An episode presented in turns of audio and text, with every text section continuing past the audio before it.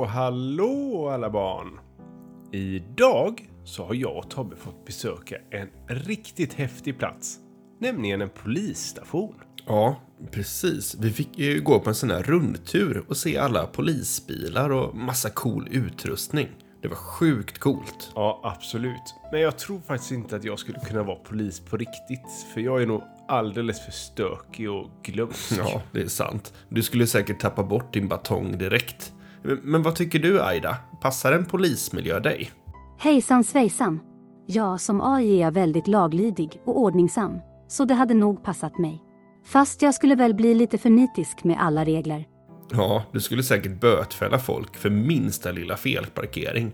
En riktig språkpolis är du också, som rättar alla språkfel. Språkfel sa du?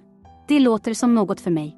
Om någon säger dem istället för dem skulle jag straffa ut dem ordentligt. De måste lära sig prata rätt, annars blir det de inte kloka i huvudet. Nu blev det ju du som sa dom fel, Aida. Du kan ju inte straffa andra för något som du själv gör. Oj, där sa jag visst fel. Förlåt, jag ska akta mig för att bli en jobbig språkpolis som retar mig på andras misstag. Det viktiga är att förstå varandra, inte att prata perfekt. Bra insikt, Aida. Eh, Vi uppskattar faktiskt din ödmjukhet. Ja, det är sant. Men är du redo med lite fakta för oss nu, då, Aida?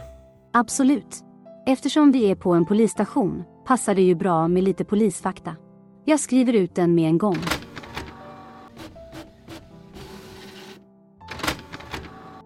Tack ska du ha, Aida. Ja, då kommer dagens fakta. Idag om poliser. Poliser har olika typer av kläder och utrustning som de använder i sitt arbete. De har till exempel en blå uniform, en keps eller mössa med ett märke på. Ett bälte med radio, hand, eh, handfängsel och pepparspray. Och ibland har de en pistol. De har också en väst som skyddar mot farliga vapen som skurkar kan ha. Polisen har också olika typer av fordon som de kör eller åker med. De har till exempel bilar, motorcyklar, cyklar, hästar, båtar och helikoptrar. De har också sirener och blåljus på sina fordon som de kan använda när de har bråttom eller om de vill varna andra. Polisen har olika uppgifter som de gör i sitt arbete.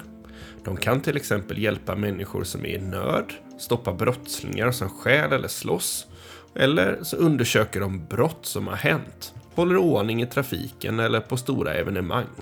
Eller ibland så är de ute och lär barn och ungdomar om lagar och regler. Polisen har också olika grader och titlar som visar vad de kan och vad de ansvarar för. Man kan till exempel vara polisaspirant, polis, polisinspektör, poliskommissarie eller polismästare. Ibland så är poliserna civilklädda. Det betyder att de inte har några poliskläder på sig. Eller så är de uniformerade. Det beror lite på vad de arbetar med. Polisen har också olika regler och olika värderingar som de följer i sitt arbete. De ska till exempel vara ärliga, modiga, respektfulla och professionella. De ska också behandla alla lika, oavsett vem de är eller var de kommer ifrån. De ska också skydda sig själva och andra från fara. Tack för den informationen Aida. Nu känner jag mig ännu mera som en snut. Skönt att höra att ni gillar min fakta. Nu ska jag berätta om en annan sak som jag också tror att ni kommer gilla. Idag är det torsdag och då är det dags för boktips igen. Ja, vad kul Aida! Just ja, varje torsdag så låter vi våra lyssnare tipsa om olika böcker. Och vill ni också tipsa om en bok, så mejla oss så berättar vi mer om hur det fungerar. Ja, gör gärna det. Det är så roligt att få höra om bra böcker att läsa nu i höst. Och idag så har vi fått tips om en bok av en tjej som heter Emmy. Vi tar och lyssnar. Hej, jag heter Emmy, jag är 10 och jag kommer från Göteborg och jag tänkte tipsa om eh, sk- eh, Skolmysteriet. Jag tycker den är spännande och det är min favoritbok. Eller ja. För att eh, den är väldigt spännande och det är ju Lasse och Maja och de spanar väldigt mycket. Och eh, de eh, fångar bovar och tjuvar och så. Jag tycker den är spännande. Tusen tack Emmy för det boktipset. Ja, vill ni läsa mer om eh, boktipset så kommer vi lägga upp alla boktips på våran Instagram och på våran Facebook. Och där heter vi Magiska Godnattsagor.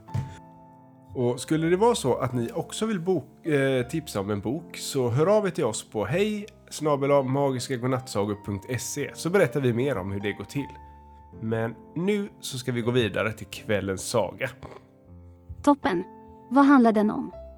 Ja, dagens godnattsaga är önskad av Iris, sju år, från Älvängen. Hon har skickat in en härlig idé som röstmeddelande. Så vi tar och lyssnar på det.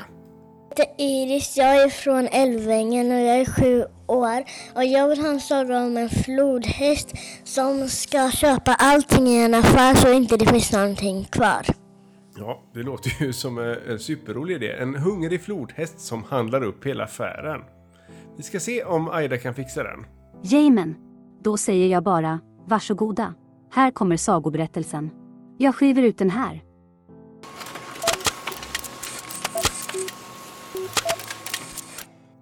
Tack så mycket Aida. Då kommer kvällens saga. Flodhästen Filips storhandling. Det var en gång en stor och hungrig flodhäst som hette Filip. Han bodde i en enorm sjö i Afrika tillsammans med många andra flodhästar, ett gäng krokodiler och massor av olika vattenlevande djur. Varje morgon brukade Filip vakna tidigt när solen precis började titta fram över horisonten. Det första han gjorde var att doppa ner hela huvudet under vattnet för att pigna till ordentligt. Sedan brukade han gå upp på land och äta en jättestor frukost. Och den bestod av vass, sjögräs och annat gott som växte vid, stra- vid strandkanten. Efter frukosten brukade Filip gå ut i sjön och simma några långa rundor för att motionera. Trots att han var stor och tung var Filip en utmärkt simmare som älskade att dyka ner i det svalkande vattnet. På eftermiddagarna tyckte Filip att det var skönt att ligga och vila i solen på stranden. Där kunde han ligga i timmar i sträck och bara njuta av värmen mot sin tjocka, gråaktiga hud. En eftermiddag när Filip låg och slumrade till hörde han plötsligt ett fruktansvärt högt magknurr från sin egen mage. Aj, aj, aj, nu är jag verkligen hungrig, tänkte Filip. Jag måste hitta något extra gott att äta till middag. Efter att ha funderat en stund kom Filip att tänka på den stora matbutik som han hade hört talas om, som skulle vara full av godsaker. Han bestämde sig för att ge sig av dit och se om han kunde hitta något läckert att tugga på. Så Filip tog sats och lyckades resa sin stora kropp upp ur vattnet. Sedan satte han av mot land och började beslutsamt vandra bort från den välbekanta sjön. Fast besluten att hitta matbutiken. Det var en het och solig dag och Filip blev snabbt väldigt svettig av att stappla fram timme efter timme under den gassande solen. Men tanken på alla härliga smaker som väntade i butiken fick honom att hålla ut. Efter flera timmars ansträngning fick Filip till slut syn på den enorma matbutiken långt borta vid horisonten. Och när Filip äntligen nådde fram till butiken så blev han väldigt glad. Butiken var jättestor och han hade hur många hyllor som helst fyllda till bredden med godsaker.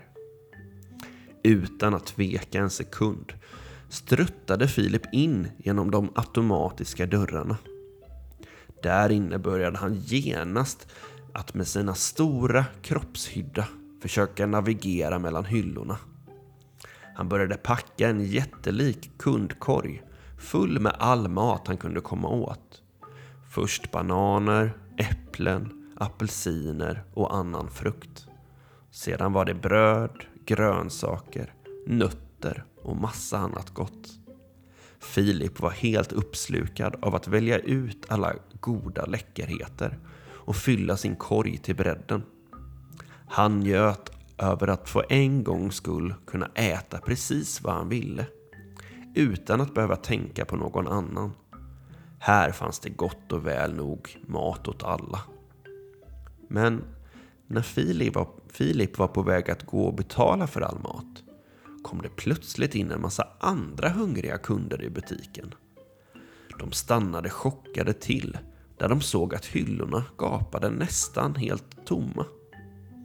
Men Filip, du kan inte köpa all mat själv, sa en tant.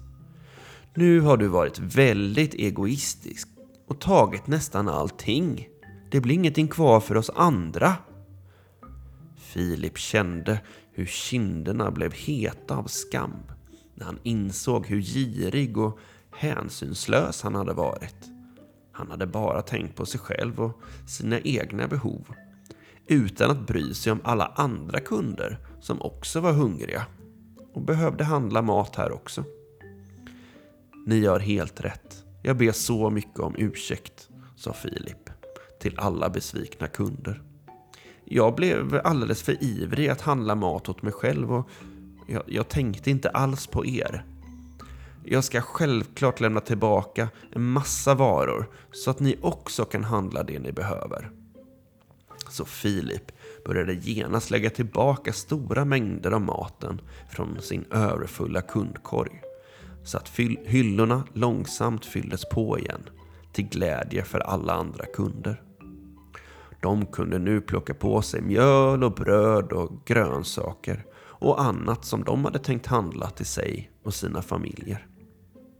Till slut köpte Filip en lagom väl avvägd mängd godsaker till sig själv. Han betalade och lämnade butiken. Mycket klokare än när han kom in i den. På väg hem åt han det som han hade köpt med god aptit och blev lagom mätt och belåten.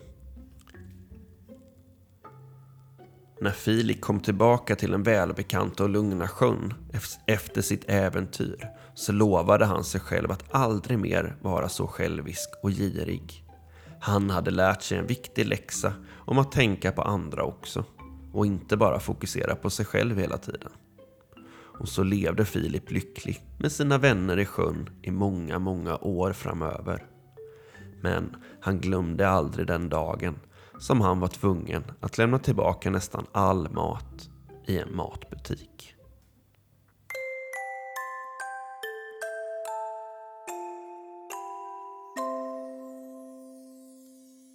Det var en underhållande saga, som vanligt från dig Aida. Tusen tack! Jag gläds åt er uppskattning, vänner. Och stort tack till Iris för hennes roliga idé. Men eh, nu har vi nog väntat alldeles för länge här på polisstationen. Så jag tror att vi drar vidare innan de bötfäller oss. Ja, det är sant. Vi vill nog inte hamna i häktet. Tack Emmy och tack Iris och tack Aida. Och tack för att vi fick besöka polisstationen idag. Hoppas att ni som lyssnar får en fortsatt fin dag. Adjö, adjö, kära vänner. Vi hörs snart igen. God natt. Så gott.